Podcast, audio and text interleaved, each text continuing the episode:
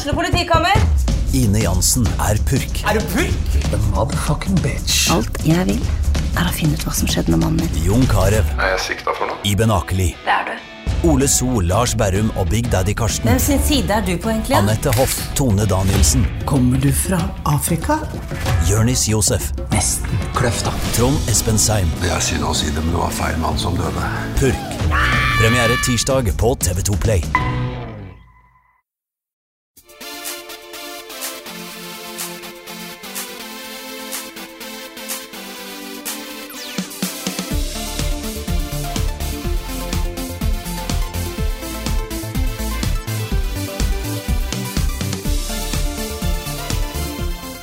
Hallo og velkommen til en ny episode av podkasten Level Backup. Med meg, Frida Danmo, og med meg har jeg selvfølgelig Karl Martin Hogsnes og Rune Fjell Olsen.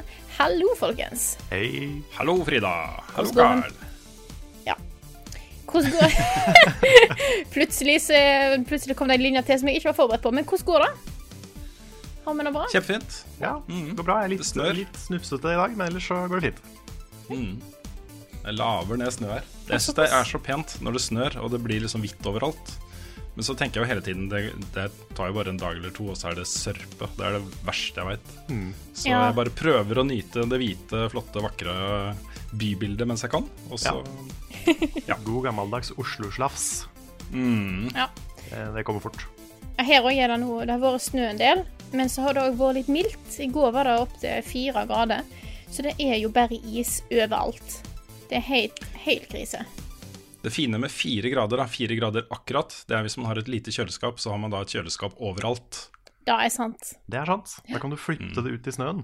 Hvis du har Ja. fullt Ja, ja, du kan kjøleskap. bare ja, Eller sette på balkongen, da, hvis man har en balkong. Det kan man også gjøre. Men det, er, eh, det skjer oftere enn man skulle tro, at kjøleskapet vårt er fullt. Så det er sånn akkurat fire grader. Hvis det er mer eller mindre, så er jeg skeptisk til å sette det ut.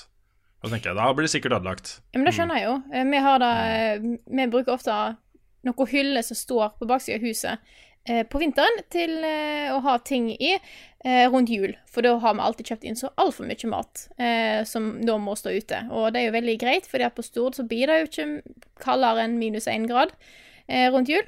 Så da kan det fint stå uten, uten problem. Her, så, her i Trondheim så er døra mi eh, rett ut mot hovedveien, så hvis jeg setter ting ut forbi der, så er jeg litt mer skeptisk. Da tror jeg at ting forsvinner. Mm. Jeg glemte jo å nevne at dette er en spillpodkast. Tror Ja. jeg. Jeg tror kanskje vi Ja ja, men det, Da er vi inne på temaet, da, spilltema kjøleskap. Ja. Mm. Mm. det hender etter hvert at vi begynner å snakke litt om spill.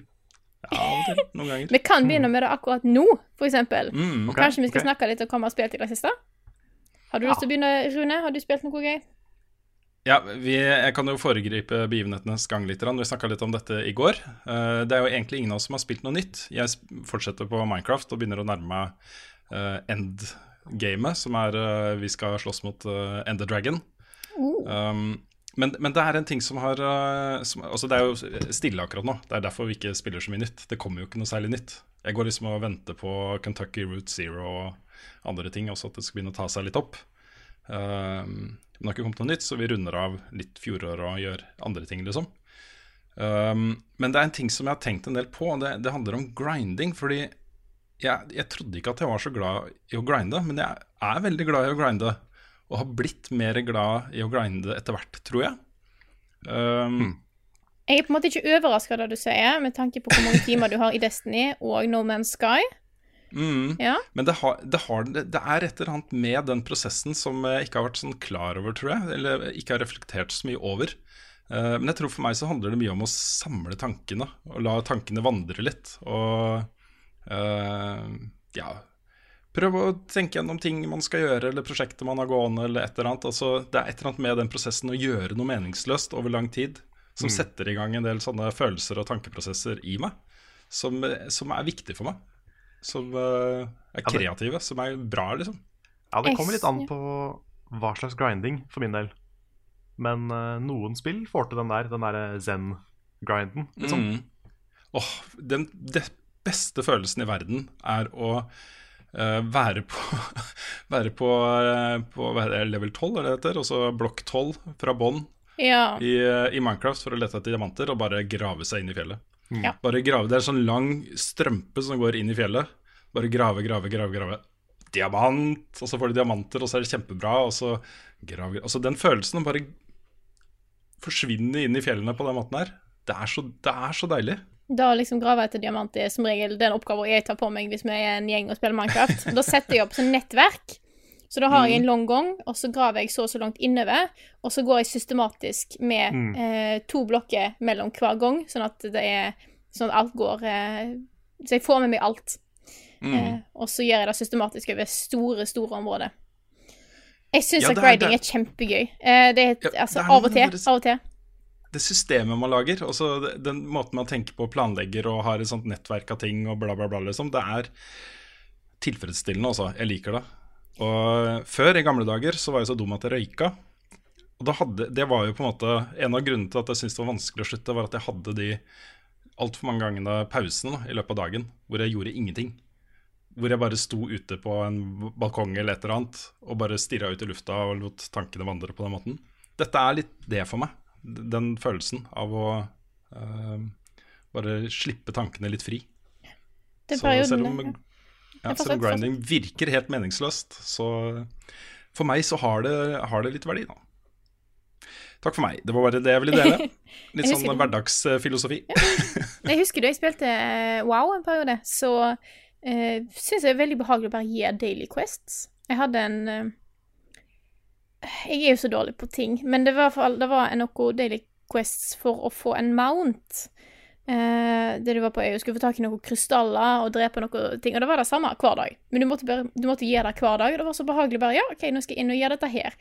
Finne noen sånne drittkrystaller som tok en evighet å få tak i. Eh, og drepe noen monster. Og dette har liksom Ja, jeg har gjort dette her hver eneste dag nå i Det var ganske lenge du skulle gjøre det, men det var egentlig ganske behagelig bare å kunne slappe av med det. Mm.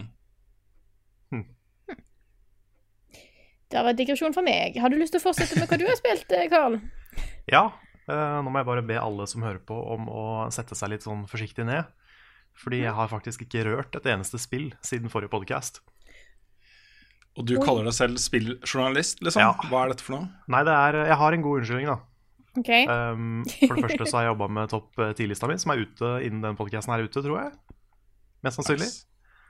Um, men jeg har brukt all fritida jeg har hatt på å se på Games Done Quick på Twitch. Det går jo nå, eller det har gått nå hele uka. Og jeg syns det er så bra i år.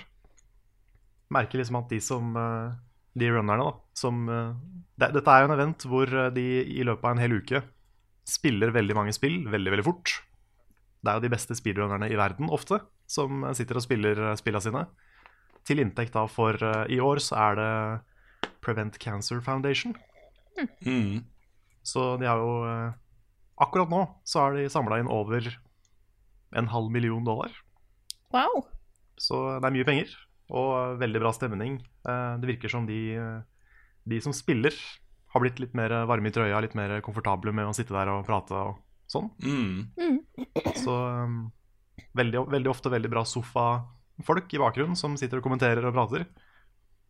Så jeg, jeg, jeg syns det, liksom, det blir litt proffere for hver gang, da. Mm. Og litt be- mer underholdningsverdi i eh, kommenteringa og sånne ting. Og så er folk helt sjukt flinke i spill. Så um, det er bare, Ja. bare kos å se på, egentlig. Mm. Jeg har sett altfor lite på det, men uh, det er jeg helt enig. Det er kjempekos. Mm. Det er spesielt Altså- uh, det, er, det er et par som har utmerka seg til nå. Nå har vi jo ikke sett uh, Det er jo Bloodborne, alle bosser etter hvert, eh, som ikke har kommet Ja. ennå. Men, uh, men jeg så et Rayman Run, som var veldig bra. Det originale Rayman. Og Super Mario 3D World, hvor det skjedde noe ganske Det kom en plot twist på slutten. Jeg vet ikke om jeg skal spoile den. Jeg kan kanskje spoile siden det har vært live. Ja. Så sier jeg Ja. det, så får heller folk bare holde seg for øra hvis ikke de vil høre hva som skjer. Men det er sånne donation incentives hvor du kan donere for at han som spiller, skal bruke en annen figur på slutten, i siste banen. Mm. Og han har sagt hele streamen at han hater å spille som Mario. Så da kommer selvfølgelig masse donasjoner inn for at han skal spille som Mario. Eh, men Mario og Luigi driver og kniver, og de har fått inn liksom ca. 3600-700 dollar hver. Mhm. Og folk donerer liksom, okay, litt til Mario, litt til Luigi. i flere timer. Og så, helt på slutten, etter at de har bestemt at det skal være Luigi, så kommer en 4000 dollar-donasjon for Toad. og det er dritkult. Bare den der stemninga i salen da det skjedde. Sånne ting er liksom Det er det som er det morsomste med GDQ, da. Mm. Jeg så det var en annen sånn uh, donasjonsavstemning uh, hvor uh, man stemte over om han som spilte skulle snakke fransk eller engelsk. Oi, Interessant. det fikk jeg ikke med meg. Jeg husker ikke hvilket spill det var. Nei. Men du, har, du, du, har jo, du ljuger jo litt også da, Carl, for du har jo spilt tre spill siden sist. Ja, det er sant. Jeg skulle, ja, det skulle jeg egentlig si. At det var med unntak av streamen i går. Ah, ok. Ja, Så det har jo for så vidt Jeg har spilt spill. Det var jo tre herlige spill, da. Det var det. Virkelig. Jeg digga dem. Mm. Det var uh, uh, Stickman Fighting? Nei. Hva heter det? Stickfight the game, heter det. Stickfight The Game. Og så var det Duck Game? Duck game. Duck Game. Ja. Og så var det Getting Over It. Yes. Likte du det òg? For du ble litt sint. Jeg syns det var forferdelig. Jeg, jeg, altså, som konsept helt herlig, helt forferdelig å spille det. Jeg kommer ikke til å spille det um, av egen fri vilje sjøl. Men uh, det, er litt, det er litt morsomt at Getting Over It har på en måte kickstarta spillåret 2018. Fordi det er jo en av de store snakkisene der ute nå. Det er et spill som mange spiller, og det er mye Let's Plays av det og, eh, og sånt. Eh, litt sånn betegnende for eh, Jeg vet ikke, et eller annet. Det er noe, det er noe der som jeg syns er gøy. Mm. Vi starter året med Getting Over It. Ja, det er sant, det. Mm. Men um, jeg ble jo nesten, altså det er, det er litt rart å si det, men jeg ble nesten litt sånn begeistra for det spillet. Fordi det er jo jeg, har- jeg har så respekt for at det går an å trolle så bra, på en måte. Og det er jo akkurat som Kopp, det er et spill som er umulig å styre, og ekstremt vanskelig å komme gjennom. Men uh, jeg får Ja, jo for de litt som lyst. ikke har hørt om det, Ja, for de som ikke har hørt om det, så er det du, du er, spiller en muskuløs dude som sitter i en, en, en, en eh, eh, Hva heter det? Bøtte? Nei, ikke bøtte. Kjele. Det heter eh, kjele. Sitter i en svær kjele. Gryte. Jeg har en gryte, sånn eh, smijernsgryte, og har en slegge. Og det, Du kan bare bruke den slegga til å komme deg videre, og du skal opp. Du skal klatre oppover. Og du styrer slegga med datamus. Ingen Ja. knapper, Niks. Kunne bevege datamusa. Mm, Så det er på en måte motion controls, på en måte. Ja. bare med en mus. Mm. Så du kan bare se for deg hvor vanskelig det er. Og fysikken Ah, gir ikke så mye mening. Helt Nei. forferdelig. Men det beste det du, når du snakker om trolling, det- er jo når du da har kommet et stykke og ramler helt ned. Hva er det den låta, hva er det han sang i den låta igjen? Going down sånn the road feeling bad. Ja. Med litt jodling og greier. Det var kjempebra, altså. Den, den låten slutta jo bare aldri heller. Nei, den bare fortsatte. Mm. Ja, når den jodlinga begynte, Ja. da, da ble jeg faktisk litt forelska i det spillet. For jeg, jeg, jeg har så respekt for at det går an å være så liksom herlig ond. Mm. Det er noe litt sånn sjarmerende med det. da At det liksom, han, har, han, har, han har tenkt så mye gjennom akkurat hva han skal si, Ja. for å gjøre den som spiller, mest mulig irritert. yep. På en litt sånn hyggelig måte. Mm. Og så kommer det jo med sånne inspirational quotes både fra andre og fra utvikleren innimellom. Ja, Han, han nevner jo at uh, spillet kan ses som et bilde på det å lage spill, f.eks. Prosessen bak det å lage spill. Uh, og på det å på en måte håndtere hindringer i hverdagen som du må overkomme. Hva gjør du når du feiler? Uh, sånne ting, da. ja. Failure is not falling down, but staying down. Nettopp. Put Ja. that on a T-shirt. Mm. Yeah. Det er bare liksom den timinga. At de, de quotesa kommer akkurat idet du blir mest sinna. Mm. Det er så bra, ass. Ja, det er kjempebra. Jeg får, sånn, ja, jeg, jeg Ja. får lyst til å bare klappe, for jeg syns han er så flink. jeg ble litt overraska over hvor liksom weirdly glad i det spillet jeg ble. Mm. Så, Ja. ja jeg, Game of the Year 2018. jeg får se om det blir noe mer. Det er, det er jo forferdelig å spille. Ja, det er virkelig forferdelig å spille. Mm. Men så fort du liksom det en- kommer litt inn i det òg, så, så ja. Jeg syns det er en god idé, da, som vi snakka om på streamen i går, å ha, ha det som et spill i duell. Mm. Det må Om vi. å komme lengst på fem minutter eller et eller annet sånt teit. Mm. Ja. Jeg likte den ideen din om å, om å gamble litt. Ja. At du liksom du bestemmer hvor du skal stoppe. ja. Fem minutter på å komme så langt du, eh, du kan, og så må du si 'nå gjør jeg meg' på det Mm. punktet her. Ja, fordi det som skjer, er at så fort du har kommet høyt nok, så detter du ned igjen. Ja. Så det er sånn Det å ta neste skritt kommer til å bli en sånn der gamble-ting, da. Mm. Mm. Så det kan bli, kan bli en litt sånn spennende duell. Ja, for dere tenker at eh, alternativet hadde vært hvis, man, hvis fem minutter var over, og du var helt nederst, for du akkurat har ramla ned fra kjempehøyt, så er din rekord er helt nederst. Det Yes. er alternativet, liksom? Ok, greit. Mm. Men da er på en måte Da bare Ja. Eh, da, har du, da risikerer du det, da. Men hvis du har det at du har fem minutter, eh, du velger når du sjøl skal stoppe, så blir det enda mer nervepirrende. Tør du virkelig å gå litt til? Mm. Mm. Mm. Åh, jeg ser for meg at en bare gir seg mens, mens han står i rett vinkel ut fra en eller annen sånn hindring. for det er mulig, det er teknisk mulig. Ja, Ja, ja. du kan vinne ved å play it safe. Ja. Så mm. Dette, er en duell jeg nesten har mer lyst til å se enn jeg har lyst til å være med i. Men uh, vi må bare gjøre det. I'm down. Men da kan jeg fortsette med hva jeg har spilt, for jeg har faktisk spilt noe nytt siden sist. Mm. Eh, og da er at jeg har, jeg har spilt eh, ferdig kommet meg gjennom Life is Strange Before the Storm. Som jeg nå sitter og holder på å anmelde. Eh, jeg har jo to spill jeg anmelder samtidig nå, eh, fordi at jeg utsatt en del ting fra før jul. Det er jo Life is Strange og Xenoblade. Eh, jeg vet ikke hvor mye jeg skal snakke om Life is Strange, siden jeg har tenkt å anmelde det nå ganske snart, men jeg syns ganske det samme som jeg sa i min første i anmeldelsen av den første episoden. Uh, Syns det er verdt å sjekke ut hvis du er interessert i Life is Strange-historien.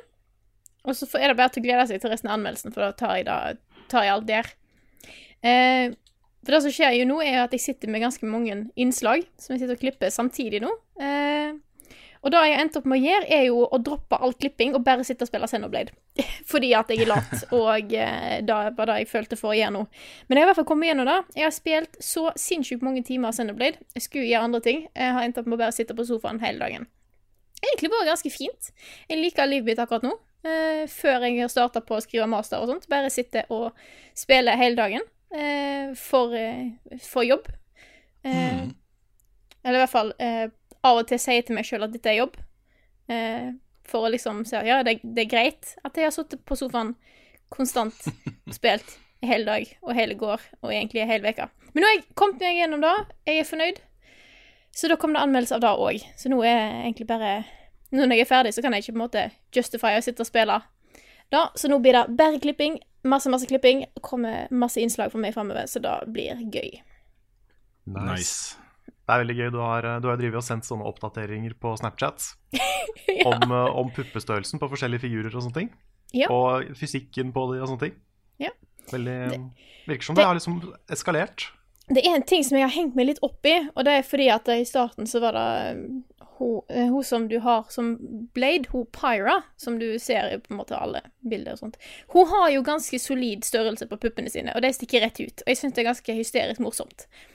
Eh, og så vet jeg ikke Nå har jeg Det Carl har fått, er jo litt sånn spoiler ute i spillet. Eh, sorry, Carl. Håper det har gått greit. Det Men det dukker opp noen karakterer etter hvert som bare Det blir bare mer og mer puppe.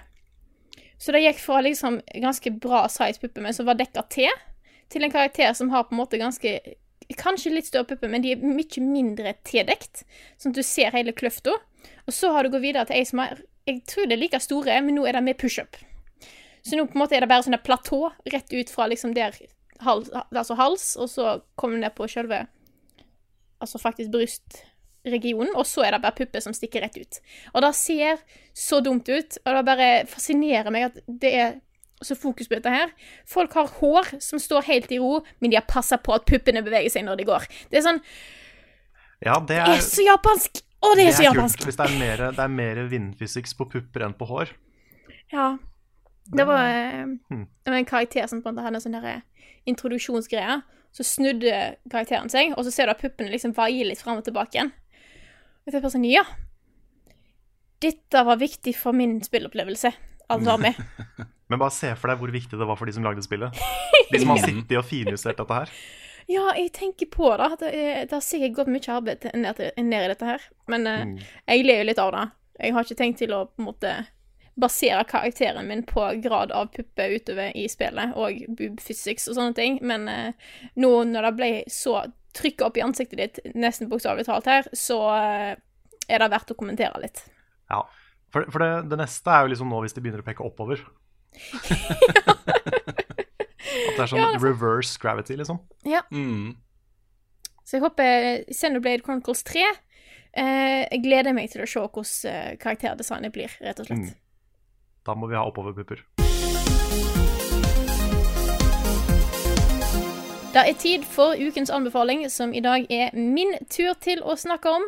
Eh, og I dag har jeg tenkt å ta opp en, eh, en serie, eh, for da er vi flinke til å snakke om. Men i dag skal jeg ta opp en eh, anime slash anime, for de som syns at det skal uttales sånn. Anime. Ja. Eh, dette er ikke en ny serie, men han er litt eh, aktuell likevel, for han har nettopp havna på Netflix. Og da er min favorittanime Full Metal Alchemist Brotherhood. Både Full Metal Alchemist og Full Metal Alchemist Brotherhood har nå handla på havna på Netflix. Eh, begge to er en adopsjon av samme manga. Eh, og jeg vil anbefale å se Brotherhood, for den er komplett. Den første har en liten sånn spin-off-ending, for han ble lagd før serien var ferdig. Så hvis du først ser den, og så ser den andre, så blir du litt forvirra, for det gjorde jeg, for det er noen karakterer som er litt annerledes der enn da de er i eh, mangaen. Så eh, anbefaler jeg Fullmetal Alchemist Brotherhood. Det er vel ca. 62-64 episoder. Ja, Tror jeg. det er noe sånt. Eh, men har noen, altså, har noen av de fineste historiene og karakterene jeg vet om. Eh, og det er en nydelig serie. Jeg har sett den flere ganger, eh, og anbefales på det sterkeste. Eh, selv om du kanskje ikke har sett den anime, så tror jeg du kan like den her òg. Jeg eh, kommer absolutt til å følge opp den anbefalinga. Jeg syns det er eh, skikkelig gøy at, eh, at Netflix har nå utvida til å ikke bare liksom jakte på nye ting, men på å bringe gamle ting tilbake. Um, gå litt sånn til, tilbake noen år for å finne, finne kule ting å se på. Uh, jeg trodde det var min tur til å ha ukes anbefaling, så jeg hadde faktisk forberedt uh, en, jeg også. Og det er en annen uh, litt eldre serie som nå har havna på Netflix, som har vært ute en stund. Det er Comedians, eh, i- skal se, Comedians in a Car Getting Coffee. Eh, og Det er et konsept av Jerry Seinfeld eh, inviterer med seg forskjellige komikere på kaffe. Så de Først så kjører de en kul bil, og så drikker de kaffe, og så kjører de hjem igjen. Um, jeg har sett bare to episoder, men det er Jim Carrey var den ene, og så var det uh, Jimmy Fallon i den andre. Og det er skikkelig gøy. De driver og prater om alt mulig rart. De snakker mye om liksom, hva er komikk og, uh, og sånne ting. Men de snakker om livet, og de snakker om alt mulig rart, egentlig. Ja, ordentlig koselig serie, altså. Korte Cool. episoder. Deilig. Men jeg slenger meg på Fullmetal Alchemist. Altså. Jeg så den for eh, tror jeg sånn fire-fem år siden sammen med Noscope Charlotte, blant annet. Mm. Det er en bra serie, altså. Og det er jo eh, det er en veldig fin serie å binge-watche. Ja. Fordi det er jo etter hvert så er det liksom En episode er bare en liten del av en veldig lang fight, f.eks. Så det er jo noen, det er noen sånne stories som går over veldig mange episoder på rad. Mm.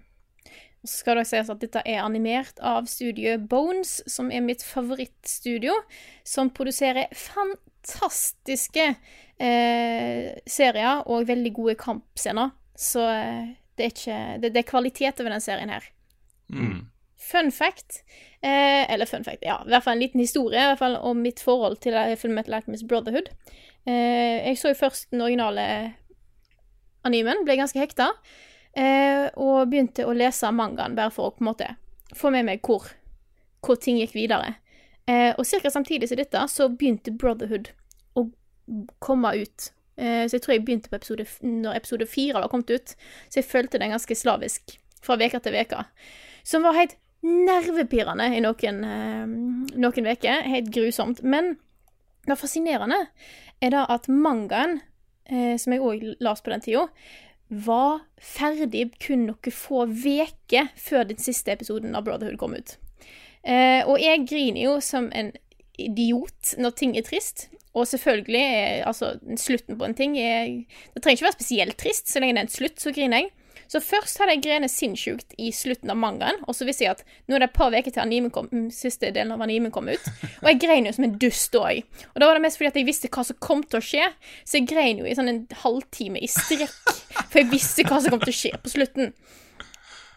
Så det var jo Da, da er meg. Ja, det er jo en Varm anbefaling der også. Ja. Det er jo en grin, ja, det er litt grineserie, men det er veldig, veldig koselig, veldig eh, og hyggelig og trist og alt serie. Han, han klarer å fortelle en god historie veldig godt. Så Mm. Full Metal Alchemist Brotherhood, folkens, anbefales. Jeg har et sånt tilleggsmoment i, eh, i denne spalten her som er relevant. Ja. Uh, vi har fått et spørsmål fra Kristoffer Gettoboys Hansen Leistad. Uh, på en skala fra saft til svele, hvor deilig er det at Pokémon Indigo League nå er tilgjengelig på Netflix? Det er jo eh, en annen gammel klassiker som er henta opp igjen eh, i lyset på Netflix. Ja. Det er, jo, det er jo full on fun-saft, Ja. det at Indigo League er på Netflix. M- Med svele, tror jeg.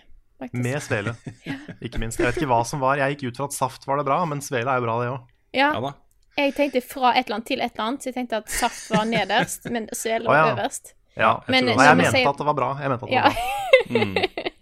Ungene har jo begynt å se på det, så nå ljomer det eh, Pokémon-teamlåt og alt mulig rart ute i stua her. Og snakk Er om wienerbrød som egentlig er risballer og Ja, det er på norsk. Mm. Skal jo ut på eventyr. Det er litt kult at barna dine ser på det jeg så på da jeg var liten. Det er kjempekult. Jeg syns det er kjempekult. Jeg ser litt på, jeg òg, da. Ja. Syns du det er spennende? Har du liksom sett det kontinuerlig mens det har gått? Nei, jeg ser litt her og der. Ja, ok. Så Fordi ja. jeg er litt spent på om, hvis jeg hadde sett det nå, i voksen alder, om jeg hadde blitt hekta, sånn som jeg ble. Fordi jeg ble jo hekta på det fordi jeg syntes det var spennende. mm. Jeg så, den, jeg så den serien for fire år siden.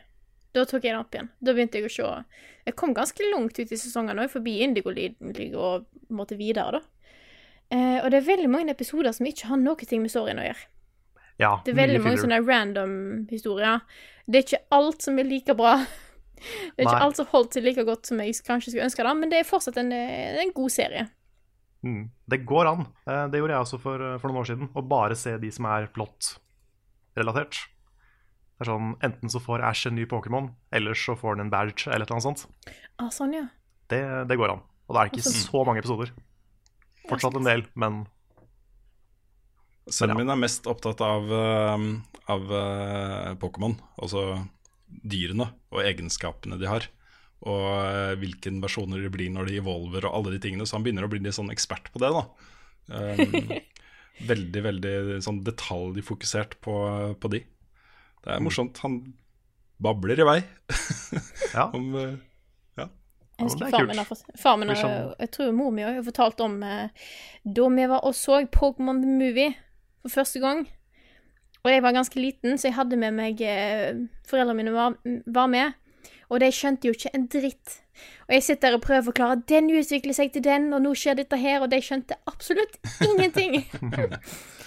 så da, eh, ja. Jeg husker eh, jeg hadde printa ut på jobben til pappa masse sånne Pokédex entries med bilder. Som jeg hadde i en sånn svær sånn bunke på rommet. Og så var det en gang som mamma begynte å bla i den bunken. Bare sover de. Og så litt sånn mer og mer skeptisk ut. Og så kom det litt sånn forsiktig fra mamma sånn Utvikler de seg til å bli sånne dumminger, eller? så jeg, jeg tror mamma reagerte på at de ble litt skumlere når de var store. Okay, Så jeg lurte på om de liksom ble slemme, da.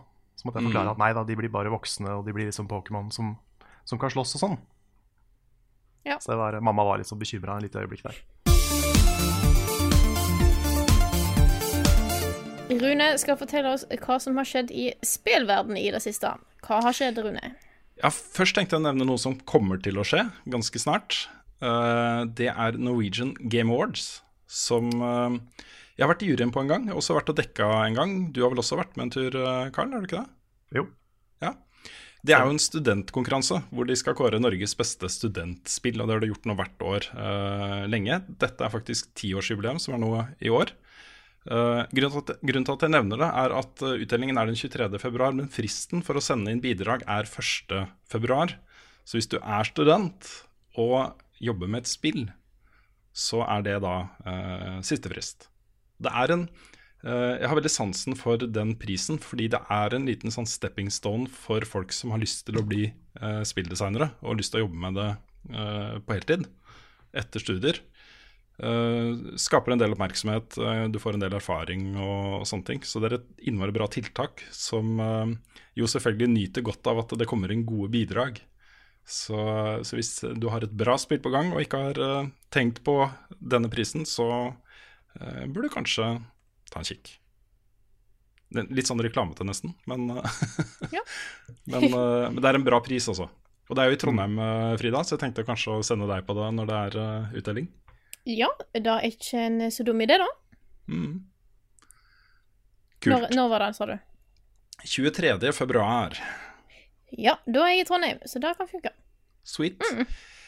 Eh, og så har eh, Overwatch League blitt lansert. Og Overwatch League er jo et um, utrolig spennende eh, konsept. Eh, litt modellert etter hvordan eh, amerikanerne or organiserer liksom øverste liga i disse amerikanske sportene sine. Hvor hver by på en måte har sitt lag. Eh, og det er veldig sånn ikoniske symboler de bruker, og lagdrakter og alt dette er veldig sånn ja, ikonisk. Og Overwatch og Blizzard har jo annektert det oppsettet og kjører da, ikke sant, hvert, lag, hvert by har et lag. Eh, og de trenger ikke å være fra den byen. For eksempel så eh, Et av de beste Overwatch-lagene eh, er i, Lon i London, men det er eid av eh, Cloud9, som er en stor sånn e-sportorganisasjon, og alle spillerne er fra Sør-Korea.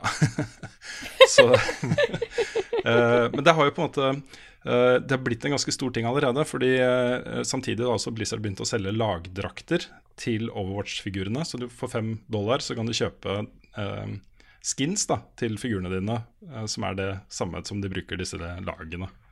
Så det blir litt sånn profesjonalisering av den biten av det. Uh, grunnen til at jeg nevnte, nevnte det, var at uh, under lanseringen så ble det også det soleklart mest populære uh, spillet på Twitch. Altså det var voldsomt langt over alle andre spill. Så ja, jeg tror kanskje de er inne på et eller annet her. Spennende å følge dette videre. Det er mye penger. Det koster 20 millioner dollar å ha eie et eh, bylag. Så Ja. Wow. Shit. mm. Nytt uh, Patron-mål. Nytt Patron-mål. Oslo et eller annet. Ja, det Oslo, Oslo Buff Buff Kittens. Kittens. Ja, nettopp. Eh, relatert, det har også den eh, Alle driver liksom og lager lister over eh, fjoråret når eh, man går over et nytt år. Og eh, vi har jo kåret de ti beste spillene. Det er ikke akkurat det vi har gjort. Fem beste spillene. eh, våre egne topplister og sånne ting. Alle gjør det. Men den viktigste av alle disse listene er eh, hva er det mest søkte på Pornhub? Hva er det Ja. folk søker etter? Mm. Og nå er jeg porn, nysgjerrig. Ja, ikke sant? Pornhub har da laget en oversikt over de mest populære game character searches. Ah, kan, vi, kan, vi, kan vi tippe før du sier det? Ja. Ja, det, det kan dere gjøre. Okay. Mercy, kanskje? Ja, det er bra, bra gjetta. Jeg, tror- jeg tror kanskje enten Tracer eller Widowmaker. Ja, vet hva, dere er, der også er vel Kanskje mer der, ja. Kanskje Jeg vil tippe Tracer. Mm. Ja, kanskje til og med Tracer pluss Widowmaker. Ja. Jeg vil tippe Tracer på toppen, egentlig. Dere er inne på noe. Hva andre inn- spill er det? Vi kan se før sånn Ja, Jeg ja. har lyst til å sette Pyra opp her, men jeg tror ikke det er mest søkt opp.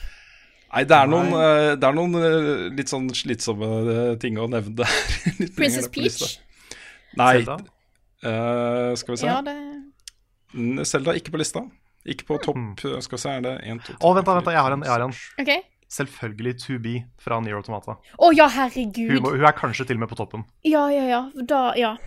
Og du kan Nei, det er ikke 2B er ikke på lista. Jo, Selda er på lista. Er du ikke det? Selda er høyt på lista, lista. Mm. Det dukker opp litt div eh, fanart på Persona-subredditen. Det er en sjanse for at det er noe der. Sikkert uh, Ann Ann, Ja, ja, eller Makoto. Dere starta så bra, og så ror dere så langt ut på viddene. Ja, jeg, skal, fordi, jeg tar det er lista. fordi det er så åpenbart.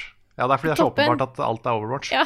Ja, det er ikke det, men Diva topper ja. fra Overwatch. Mercy på andreplass. ja. Tracer på tredjeplass. Eh, og, så, og så følger det det er jo, ikke sant Diva har 3,9 millioner searches på Pornhub. Bare nevner det. Uh, så følger det Misty fra Pokémon. Ja, selvfølgelig. Ja. Lara Croft. Stayer der også. Eh, Ordentlig Stayer. Eh, Zelda. Eh, Milena fra Mortal Kombat. Og så kommer Widowmaker fra Overwatch. Ja. Og så er det resten av plassene er det, er eh, det er særlig to serier som går igjen her. Det er Dawn fra Pokémon. Ash fra Pokémon. Sombra, Overwatch. Serena, Pokémon. Eh, Gardevoir fra Pokémon. Kitana fra Poke- Mortal Pokémon Kombat. Gardevoir. Ja. eh, Farah fra Overwatch og Pikachu. Hva er denne Pokémon? 221 607 searches har blitt gjort på Pikachu på Pornhub. Ja, hvorfor er det så mye Pokémon? Hvorfor, hvorfor erotisk Pokémon, liksom? Ja, Altså- er, uh, Kan jeg skummelt. kaste ut en, en, en tanke her, mm, som kan være jeg tar helt feil? Det er jo Altså Jeg ser for meg at det kanskje er en del tenåringer som ser på Pokémon. Altså, Ja. unge, unge ikke, sånn, ikke sånn Nå snakker jeg ikke 18-19, nå snakker jeg sånn nedre, nedre tenåring. Som har da noen karakterer fra, fra serier og spill og sånn som de syns er fine, og så søker de på det. Kanskje. Kanskje.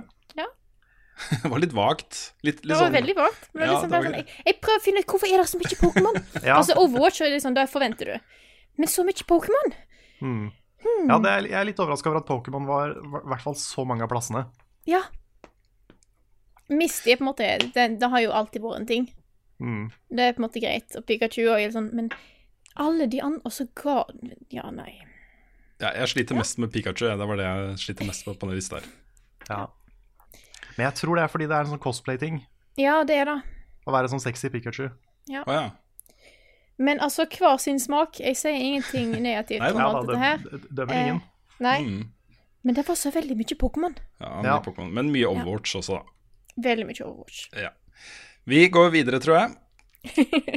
Eh, Microsoft har noe potensielt eh, dritbra og potensielt helt forferdelig på gang, tydeligvis. Det går eh, rykter om at de planlegger noe de kaller Xbox Career System, altså et karrieresystem for Xbox Live, med eh, eh, grinding av eh, på en måte achievement-poeng og lootboxer og sånne ting. Dette går jo da på å vinne gear til de nye avatar. Jeg vet ikke om dere husker den videoen de viste fram fra det nye avatarsystemet som de skal implementere nå i 2018.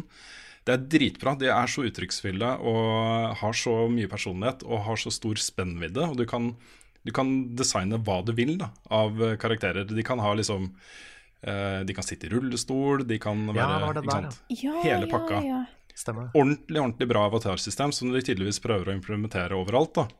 Uh, og Dette er da snakk om uh, en måte å eh, gjøre at du kan vinne nye greier til det. Eh, det er ikke så ille som det høres ut som med lootboxer her, fordi du skal kunne oppnå de gjennom vanlig spilling. Det vil si at du, eh, hvis du får en trophy eh, Hva heter det? Eh, heter ikke trophy på En achievement. en achievement på Xbox Live, så vil du også få poeng til dette systemet. OK. Det det i praksis er, er jo et lojalitetssystem. Hvor du blir belønna for å holde deg til Xbox. Ehm, ja. Hvor du blir belønna for å holde deg til Xbox. Det er, det er basically det det er, da. Så hvis du spiller mye Xbox-spill, så enten på PC da, eller på, på Xbox One, så eh, vil du få mer kult gear til avataren din. Jeg vet ikke, Hva syns dere om det? Syns dere Kunne du kjøpe ting òg, eller var det Eh, Det kommer garantert en shop til avatar, avatarsystemet. Garantert. Ja. Og Det det er vel allerede, er det ikke det? Jo da, jo, du kan kjøpe massevis av greier til avatarene på Xbox. Mm. Jeg ser ikke noe Så lenge det bare er um, customization, så på en måte er det greit. Jeg syns det er en kul måte å faktisk gjøre noe med eh, at du får noe ut av achievements òg, for at eh, Ofte så er det sånn Ja, achievement. Kult. Da, var- ja. Men nå Mm. kan du faktisk eh, Kan du kanskje få noe tilbake igjen for da å få mange achievements, uten å bare da ha det på profilen din at du har fått den. Mm. Men eh, er det random loot? Ja, i altså, dette er jo ikke bekrefta av Microsoft. Det er en, eh, en såkalt report som eh, snakker om dette her. Men Ja. i og med at den nevner lootboxer, så vil jeg anta at det er mye random. Ja, ja, fordi det er jo litt den delen som er litt skummel. I Mm. hvert fall hvis du kan kjøpe de, og de i tillegg er random. Så går du rett inn i den derre Litt den Hva heter det? Abusive modellen med en gang, hvor du gambler på noe du ikke vet hva du faktisk får. Ja, det avhenger jo veldig av om du faktisk kan kjøpe de samme lootboxene for ekte penger. I tillegg til at du kan grinde etter de ved å bare spille spill. da Hvis det Ja, bare det er er, at, hvis det bare er eh, ting du får av å spille spill og gjøre ting som er Xbox-relatert, Mm. uh, og det bare er det, så er det jo mer greit. Ja, hvis du, hvis du har lyst på en liksom neon rullestol og kan kjøpe den direkte, Mm. så tenker jeg det er greit. Mm. Ja. Det tror jeg det vil være mulig å gjøre. Mm. Spennende. Jeg, jeg, har, eh, jeg gleder meg til å se det systemet her eh, med de nye avatarene og alt dette her bli implementert. Fordi eh, det å på en måte gi deg en, en kul uh, online persona er eh, Det er ganske viktig. Altså, det kan i hvert fall være ganske viktig, og det kan ha ganske stor effekt da, på din opplevelse av å være online. At du blir fulgt av en character du har et skikkelig forhold til. Så Mm. jeg syns det er spennende at de prøver å gjøre narr. Ja, ja De gamle, gamle avatarene kunne vel ikke være tjukke engang? kunne det? Ja, ikke ordentlig tjukke i hvert fall. Nei, bare litt sånn semikraftig, liksom. Ja, litt chubby. Lubben. Ja, litt, litt lubben. Eh, vi skal holde oss til eh, Microsoft. Uh, sea of Thieves er jo ikke så langt unna lansering nå. Um, det har en closed beta som går nå fra 24. til 29. januar. Og jeg tror det lanseres ganske umiddelbart etter den betaen. I hvert fall ikke så lenge etter. Nei, jeg og sjekke. Ja, altså Det har stått som 26. januar, tror jeg har liksom vært releasedatoen. Men uh, jeg ser ikke helt for meg at de kjører en beta samtidig som det lanseres. Sea of Thieves. Ja, Uh, den har blitt delaya til uh, Eller Nei, det står at den skulle eh, egentlig komme i 2017, ja. Eh, 20. mars er det. 20. mars, ja, greit, greit. Da er det jo lenge nok unna. Dette er jo en beta som er åpen for de som eh, er medlemmer av dette eh, rewards-programmet deres. Altså, jeg husker ikke hva de kaller det, men hvis du går inn på seaofthieves.com, så er det en egen klubb du kan melde deg inn i. Um, alle som meldte seg inn i den før 1.12., får tilgang til denne betaen. Så, men det som er interessant med den, er at det ikke er noe NDA på den. Så det kommer til å komme massevis av livestreams og Let's Plays og videoer og i Huarava. Så hvis du er nysgjerrig på dette spillet, så er den den perioden som eh, er da siste uka i januar, vil det komme masse content der. Jeg er spent. Det blir spennende å se hvordan det faktisk er, dette spillet. Mm. Det er det. Og så går det nå eh, kraftige rykter om at eh, Burnout Paradise snart er klart for en HD re-release. Og i utgangspunktet så skulle man ikke tro at det skapte liksom voldsomt mye oppmerksomhet, et gammelt bilspill. Men det har skapt veldig mye oppmerksomhet. Eh, veldig mange som, eh, som er supergira på å spille det. Og det er jo et av de beste bilspillene som er lagd noen gang, og det kom før alt som handler om mikrotransaksjoner og det å prøve å gjøre uh, bilspill på en litt annen måte. Uh, det kom før uh, Forsa Horizon-serien. Um, var rett og slett et utrolig deilig bilspill som, som beholder litt av den gode, også den gammeldagse måten å lage bilspill på, med baner og eh, sånne ting, Eh, men i en eh, åpen verden. Så den har mye mer struktur enn f.eks. For Forza Horizon, men er, den er mye mer åpen enn et baneracingspill som uh, Gran Turismo. Og så er det rett og slett bare kjempegøy. Så uh, jeg syns det var litt interessant. Den siste saken jeg tenkte å nevne, er at uh, i likhet med oss, så ehm, så er det jo andre eh, norske spillmedier som nå er indie, som tidligere har vært eh, del av noe større. Og Pressfire har nå gått ut og sagt at de trenger hjelp. Mm. til å overleve. De snakker om at annonsemarkedet eh, ikke akkurat gjør dem noen tjenester om dagen. eh, og har starta et eget sånn rewards-program hvor du kan støtte det enten månedlig eller eh, årlig. Eh, og du kan få sånne ting som et bilde av en kattepus, kode til Owlboy, uh, litt sånne ting. Litt sånn annen måte å gjøre det på. Men uh, dette er jo bra folk som gjør en viktig jobb, og jeg syns Pressfire er særlig flinke til å sette litt dagsorden på sånn litt politisk vinkla spillsaker som, som er norske. Flinke til å ringe politikere og sette litt til veggs og stille de viktige spørsmål og sånne ting. Og føler at det norske mediebildet trenger Pressfire. Så du kan gjerne la være å kansellere vår støtte. ja. Men hvis du har litt penger til overs, så, eh, så er dette en god sak å støtte. Så um, håper de klarer seg også. Det hadde vært veldig trist hvis de ikke gjorde det. De er, de er bra folk. Mm, De var jo gamle Dagblad-rivaler, og nå er vi indie-venner. nettopp. Yep. Ja, først så var det jo eh, Så hadde jo en avtale med VG, så jeg jobba jo med, med de eh, en stund før det gikk over til Ja. Dagbladet. Og eh, ja, dette er rett og slett bare bra folk. De gjør en, Mm. en eh, kjempeinnsats og er veldig flinke. Så Ja. håper det der går bra. Jeg synes det er- kult at de lagde sin egen ordning, for de vurderte Patrion, tror jeg de sa. Ja, det sa Men de. at de da isteden lagde en egen, eh, en egen tjeneste. Mm. Så det er interessant. Jeg er litt spent på hva som er eh, argumentasjonen bak, eh, bak eh, de tingene. Jeg lurer på om kanskje de eh, beveger seg litt inn på en sånn type ordning som gjør at de ikke trenger å skatte av det, eller noe sånt. Jeg vet ikke. I don't know. Sånn, nesten litt sånn lotteri. Jeg vet ikke. Nei, jeg vet ikke. Jeg har ikke peiling, men det var gøy i hvert fall. Mm. Lykke til til Pressfire. Før vi setter i gang med å svare på spørsmål som vi har fått inn denne uka her, så må vi komme med en liten update. Fordi rett etter at vi var ferdig med å spille inn nyhetsspalten, så kom Nintendo og la ut en liten mini-direct, som vi selvfølgelig er nødt til å rapportere litt om når han faktisk kom ut mens vi spilte inn podkasten. Det har vært du voldsomt å- mye hype rundt, ja. rundt eh, den directen der eh, i starten av året.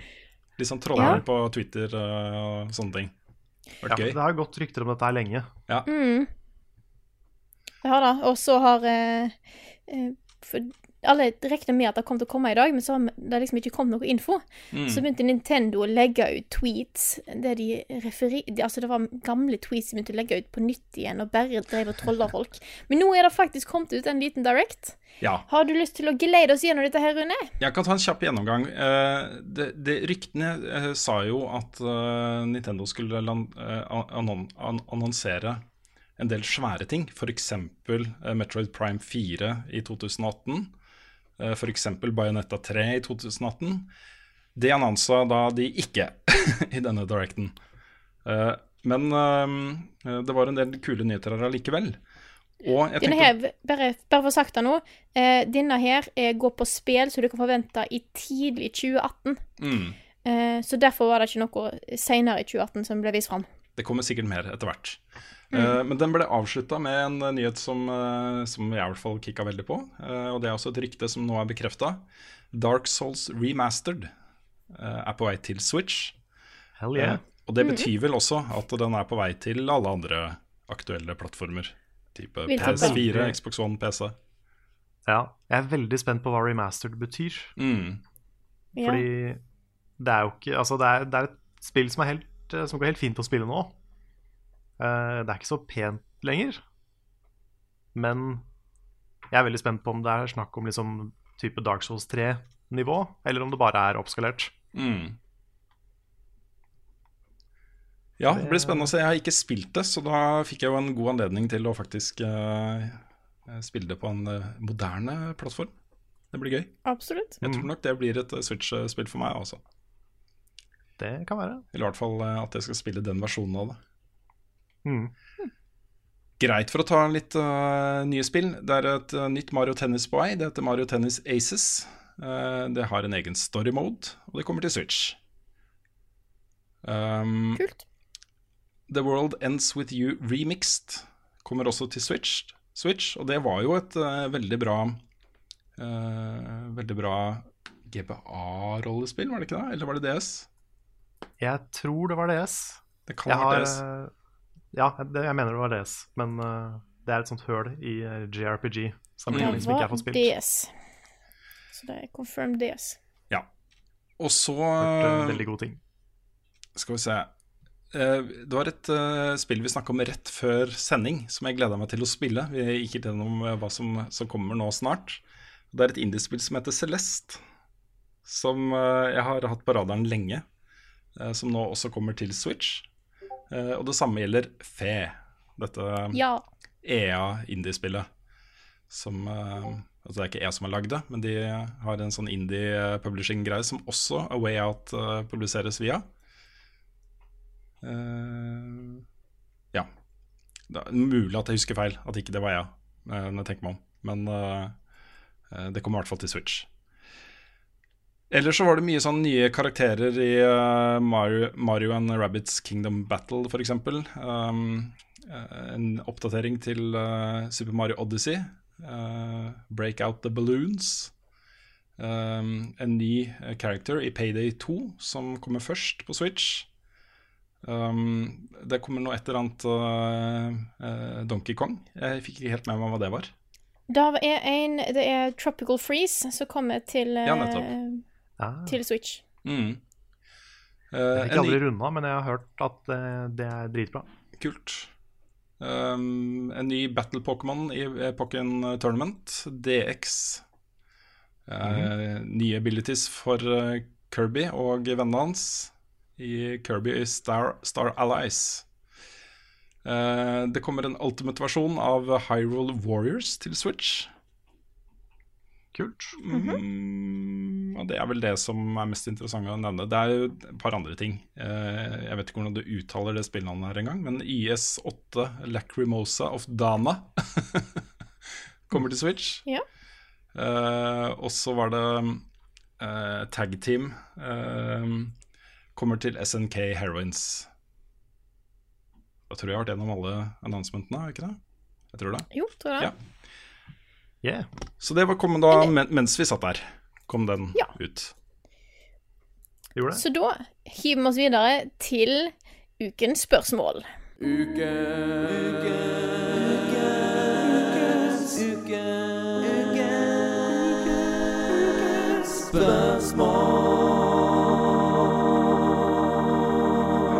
Ukens spørsmål denne gangen er fra Andreas Grønli, som spør hva skal til for at dere gir karakteren én eller to til et spill?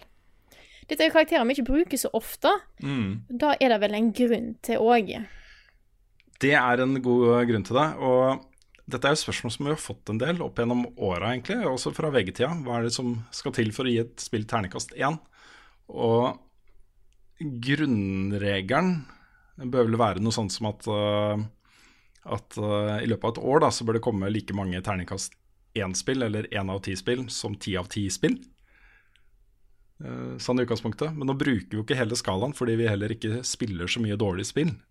Så det blir jo Nei. ikke helt uh, overførbart til akkurat vår, vår, våre karakterer. Men det, det må være eksepsjonelt dårlig. Det må, Det må være være sånn, provoserende dårlig. Ja, for ikke bare er det, skal det være dårlig, det skal være kjedelig og uinspirert. Og det skal, hvis du skal ned på én, så bør det nesten ikke fungere engang. Ja, nesten. Da må det være så mange game-breaking bugs der at det er nesten umulig å komme seg gjennom det. Mm. Ja. ja, for jeg, jeg tenker for min del så Sånn som de dårligste spillene jeg har anmeldt etter at vi gikk ut av VG, har vært sånn type uh, Mighty Number Nine og Sonic, Sonic Boom Forces. på Ja, Sonic, ja, Sonic- ja, Sonic Forces var vi ganske lave på. Ja. Eh, Sonic Boom på 3DS ga jeg tre, tror jeg. Og jeg tenker hvis et spill på en måte fungerer uh, og er et, er et spill du kan spille fint gjennom, men det er uinspirert og gørr kjedelig, så kan jeg gå ned til tre. Mm. Men for å gå ned til to og én, så må det liksom være broken i tillegg, tenker jeg. Ja. Enig. Eller et eller annet liksom Kanskje et spill som har masse hate speech i seg, f.eks. At det er et eller annet sånt Mm. som gjør at Ja. det også trekker enda lenger ned. Ja. Eller hvis du ikke kan komme deg gjennom spillet uten å betale for alt. For eksempel. Mm, det også. Ja.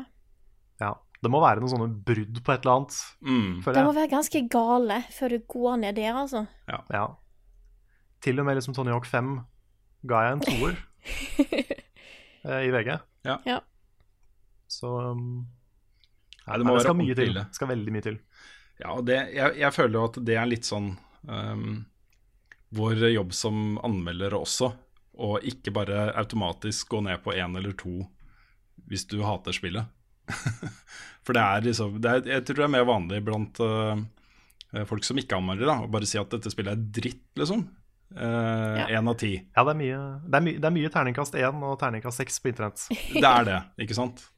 Eh, og jeg føler ikke det blir helt korrekt når man skal lage en seriøs anmeldelse av noe. Og bare- Jeg føler hvis et spill Ja, hvis et spill oppriktig talt fornærmer meg som gamer, så er jeg klar for å gå ned der. Hvis det er, bare sånn, hvis det hvis det er så dårlig at det er ikke bare er frustrerende, men òg fornærmende, så tenker jeg da kan jeg gå ned der. mm. Ja. Det er uh, for eksempel Supermann 64. Hvis jeg hadde vært spillanmelder og anmeldt det, det hadde vært et enerspill. Mm. For det er så å si umulig å spille. Det er morsomt. Det, var også, det er også et av de spillene som de har kjørt på uh, Awesome Games Done Quick nå, Ja, i natt. i natt. ja. Uh, jeg, så, jeg, har ikke sett, uh, jeg har ikke sett videoen, men jeg så bildet av han som skulle spille det. Han så litt sånn eh, rådyr i headlights ut. Jeg håper han er forberedt. ja, det håper jeg også. Tenk å, tenk å gjøre deg til ekspert på det spillet. Det er litt morsomt. Det er funny, syns jeg. Ja, Ja. jeg, jeg, jeg har litt respekt for det. Mm. Ja. At du faktisk har dedikert deg til noe sånt. Ja. Vel, veldig u uvanlig. Absolutt. Kult. Men da tror jeg eh, det er på tide å gå videre til neste spørsmål.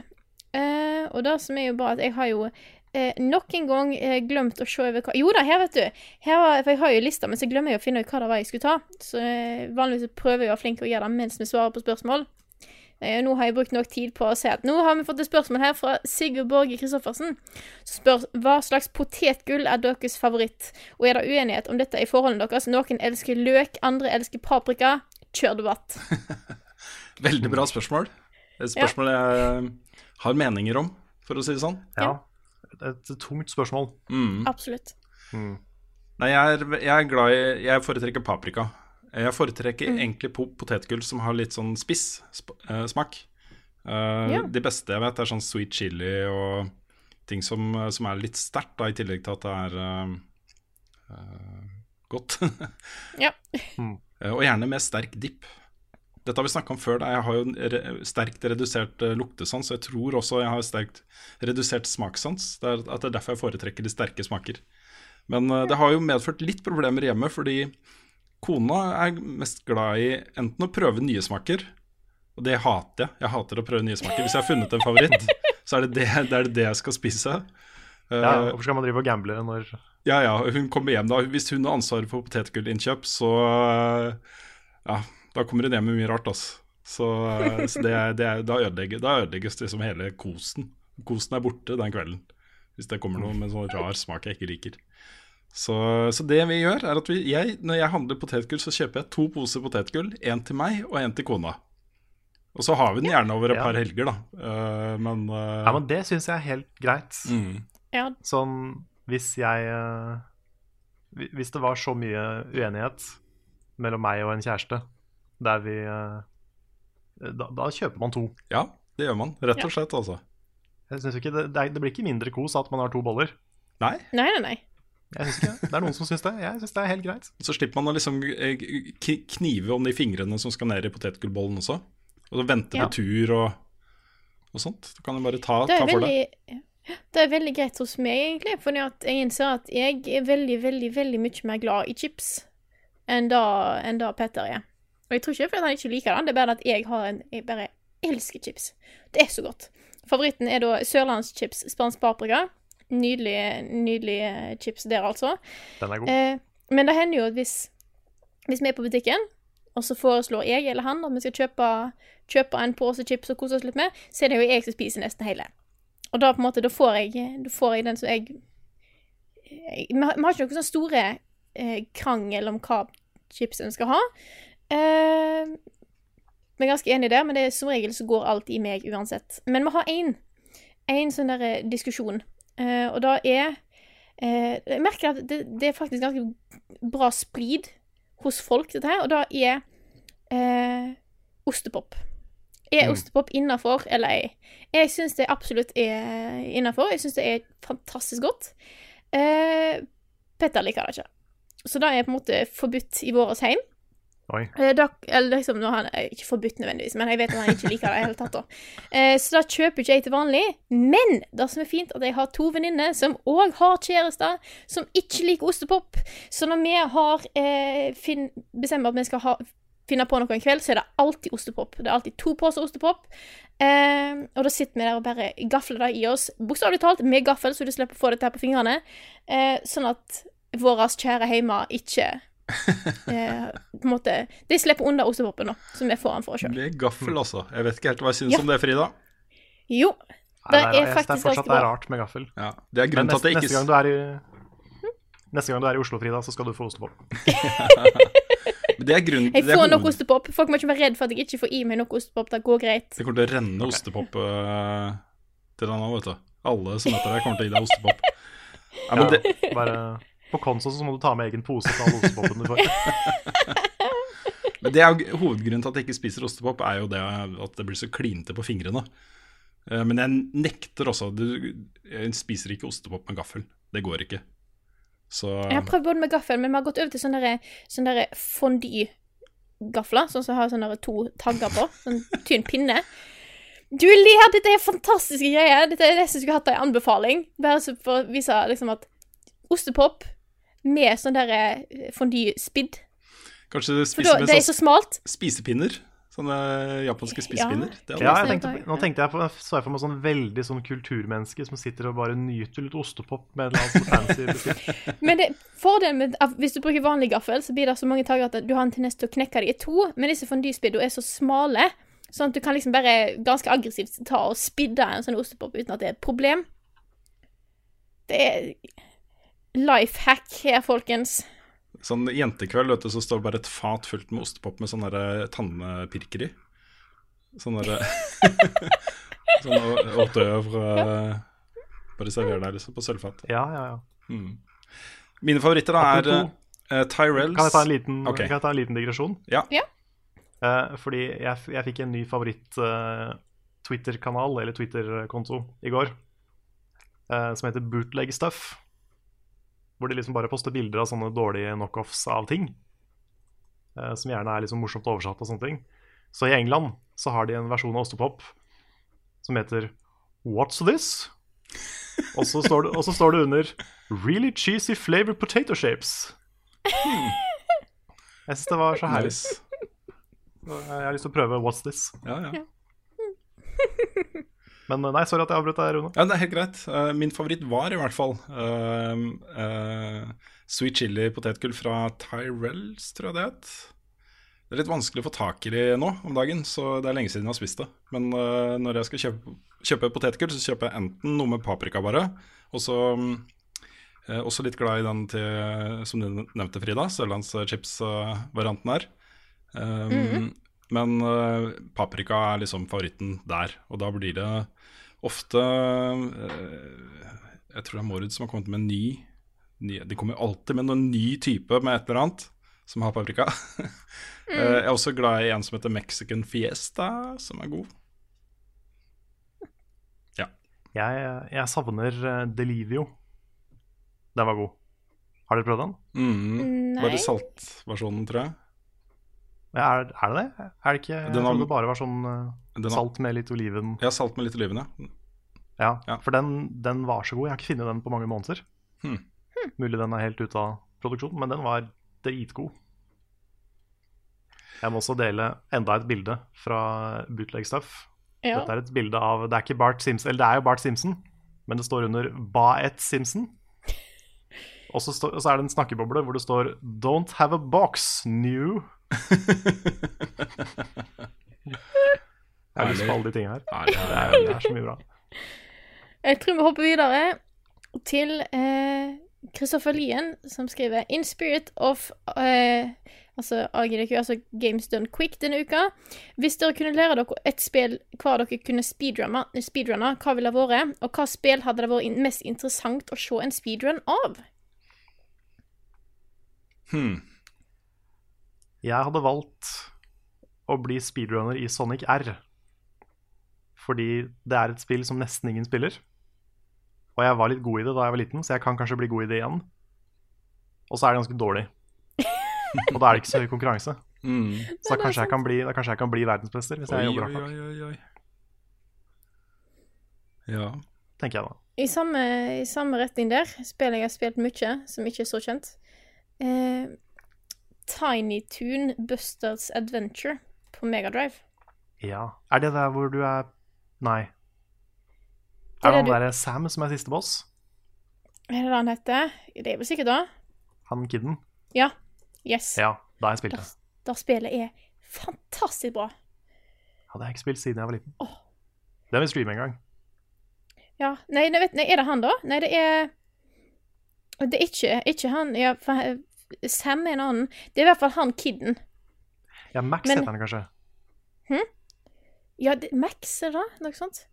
Det er et eller annet greie. Ja, okay. Men ja, det er det spillet. Og det er kjempebra, og det er på lista over spill jeg gjennomfører hver gang jeg har Megadriven tilgjengelig.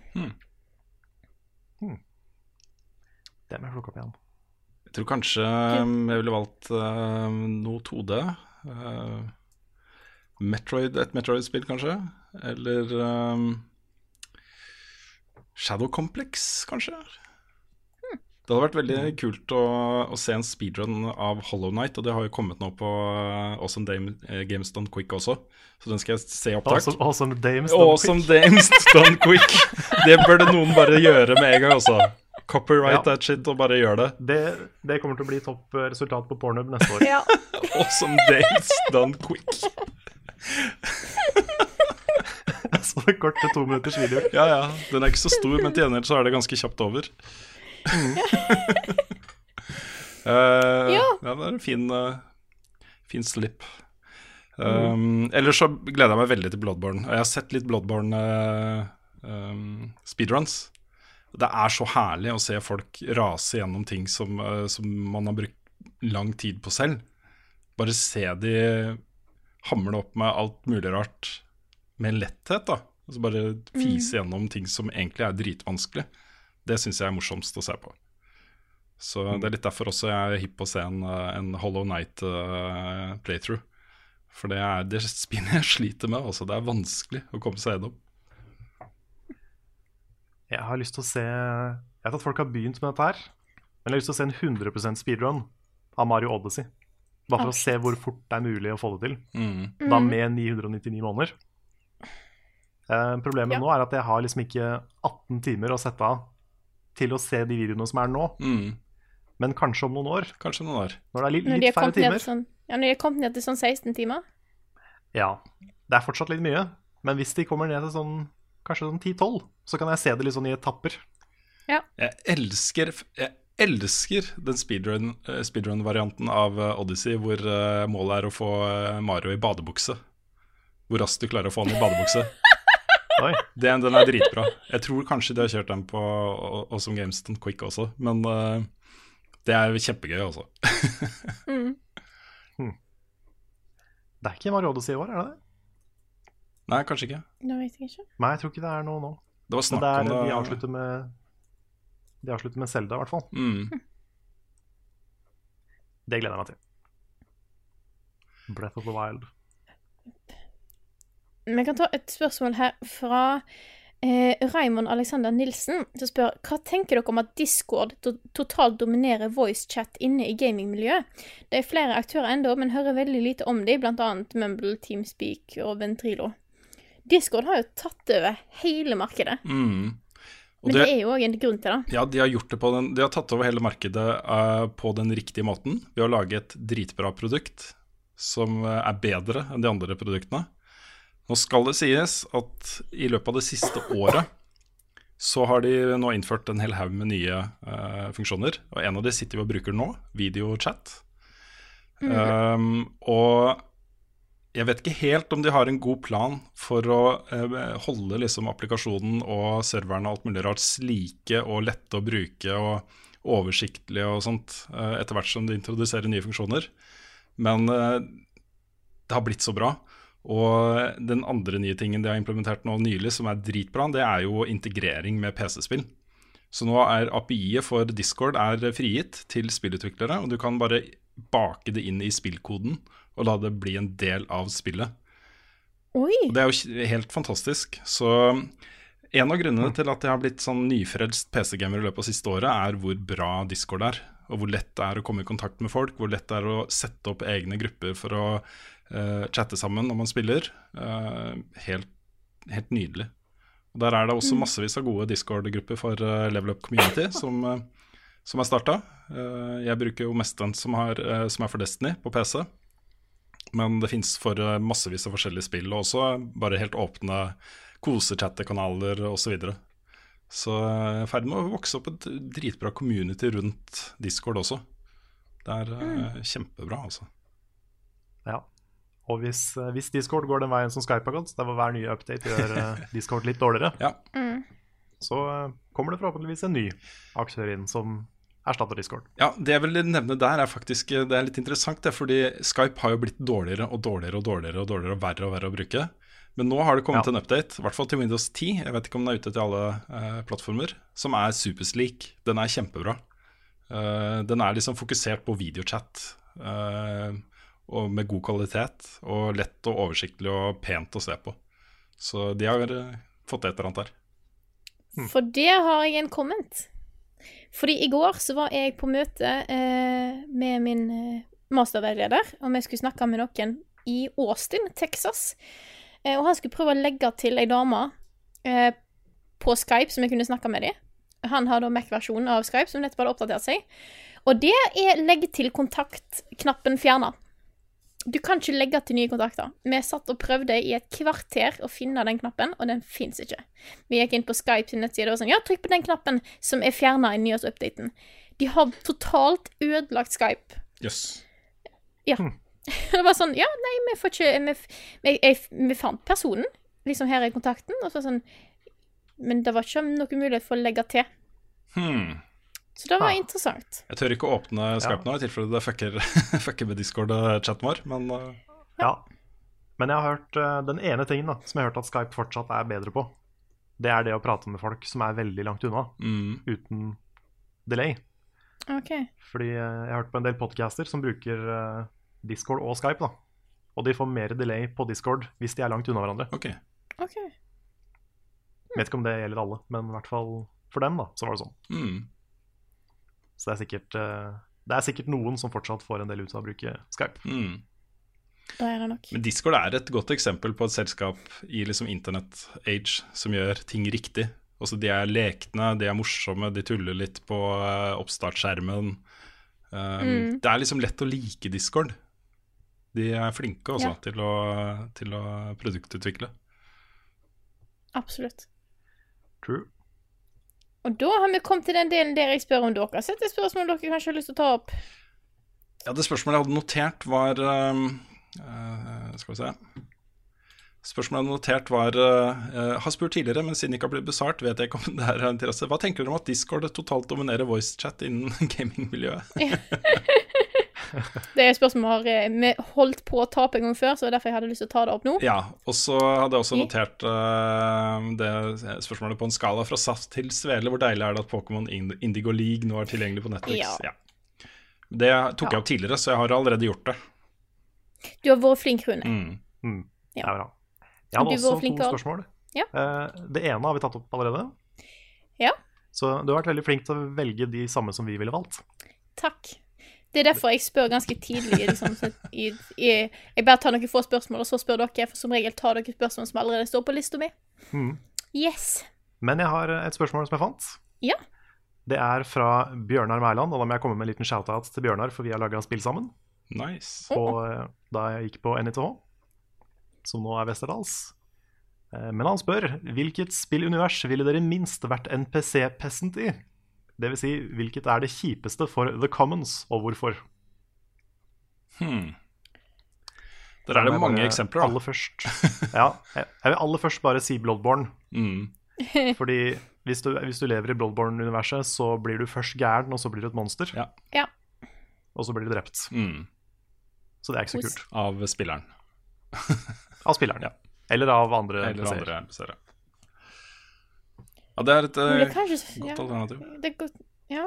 Jeg ville kanskje sagt City Skylines, for det er vel ingen byer der det skjer så mye tragisk greier med altså, forsømmelse og tornado og brann og alt. Og, så bare, og at jeg bare kommer og bare sånn Hei, du, huset ditt står i veien. Jeg tar det vekk.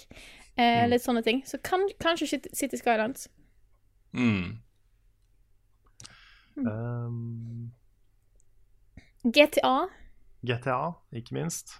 Ja, der er du bare på vei Ja. til jobben, og så kommer det en fyr i en uh, kjapp bil og kjører deg ned, liksom. Eller en uh, lastebil.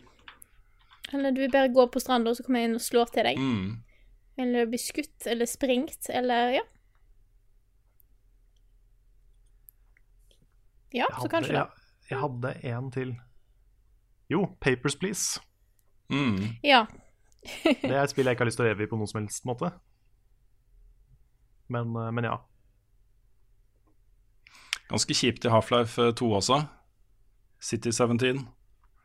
Hvor ikke bare har blitt invadert, men du har blitt invadert av aliens. Som er ja. dritkjipe mot deg hele tiden. Det er ikke spesielt gøy, altså. Nei. Eller uh, Abes, uh, Abes Odyssey, Abes Exodus. Hvor du uh, jobber på fabrikk. Det du lager, er Det er eh, Nå husker jeg ikke helt akkurat hvordan det er, men det er Du finner ut at det de lager, de som jobber på fabrikk, det er på en måte canned dem.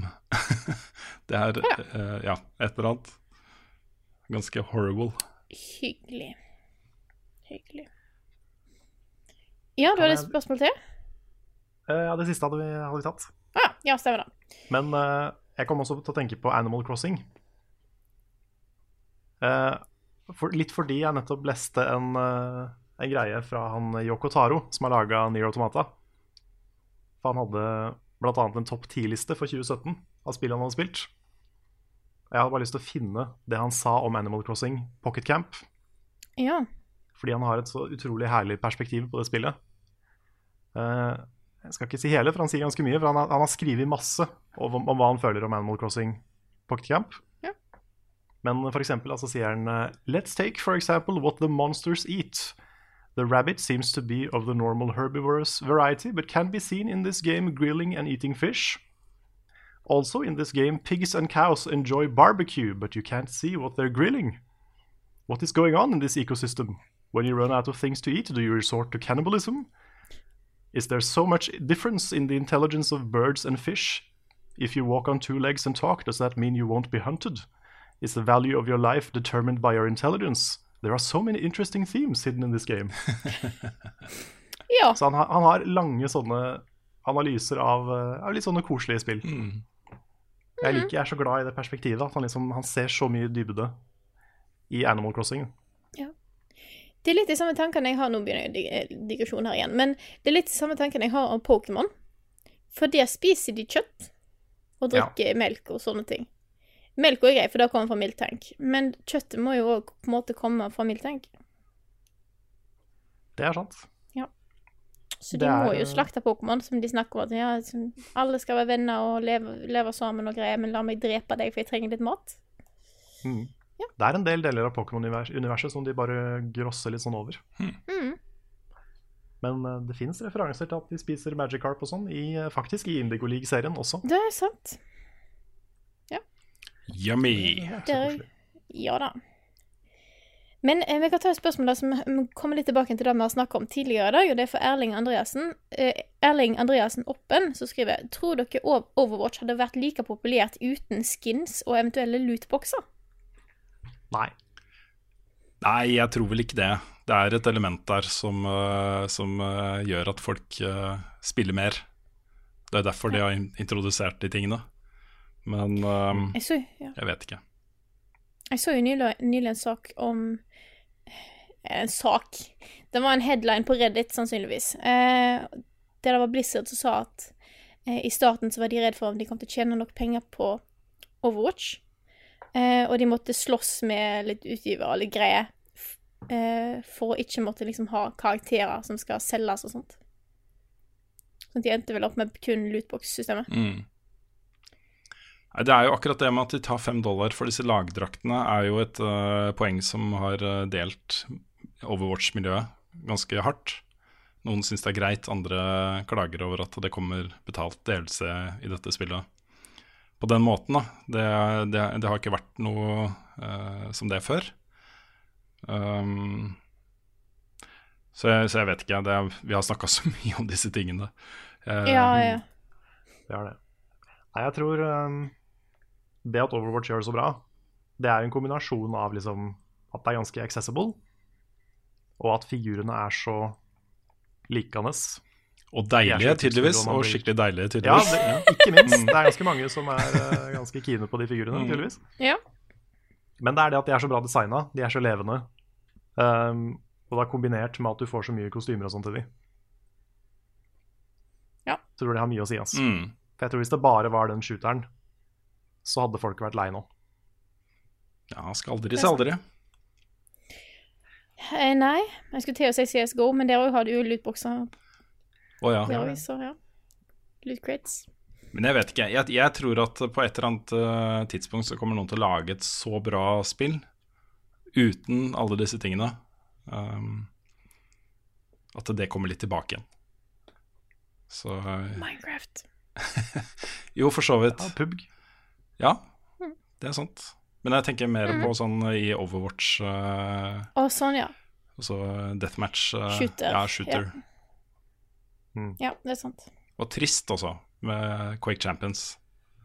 At de ikke bare lagde et uh, old school deathmatch-spill, men at de absolutt på død og liv skulle innføre klasser og sånt. Det, det var trist. Ja. Jeg skal, ikke, jeg skal ikke si noe bastant på Overwatch, altså jeg har ikke spilt det så mye. Men um, ja, det kan, det kan hende det gameplayet er bra nok til, at spillet kunne levd på det aleine i årevis. Men uh, I don't know. Maybe. Vi får se. Se hva som skjer. Mm. Og med da så tror jeg at eh, vi, det er på tide å avslutte podkasten.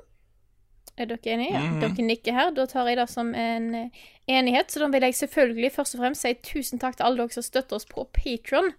Dere er fantastiske folk som vi aldri kunne klart oss uten. Love you guys. Love Så you. eh, hvis du hører på her og ikke støtter oss på Patron, men uh, syns at vi lager bra innhold, så må, du, må du gjerne støtte oss med det beløpet du sjøl uh, syns er passende, og da du, ja, du føler for. Eh, alle monner drar og alt det der. Eh, så da tror jeg bare vi får vel takke for oss. Eh, takk for at akkurat du hørte på denne episoden av Level Backup, og så snakkes vi igjen neste uke.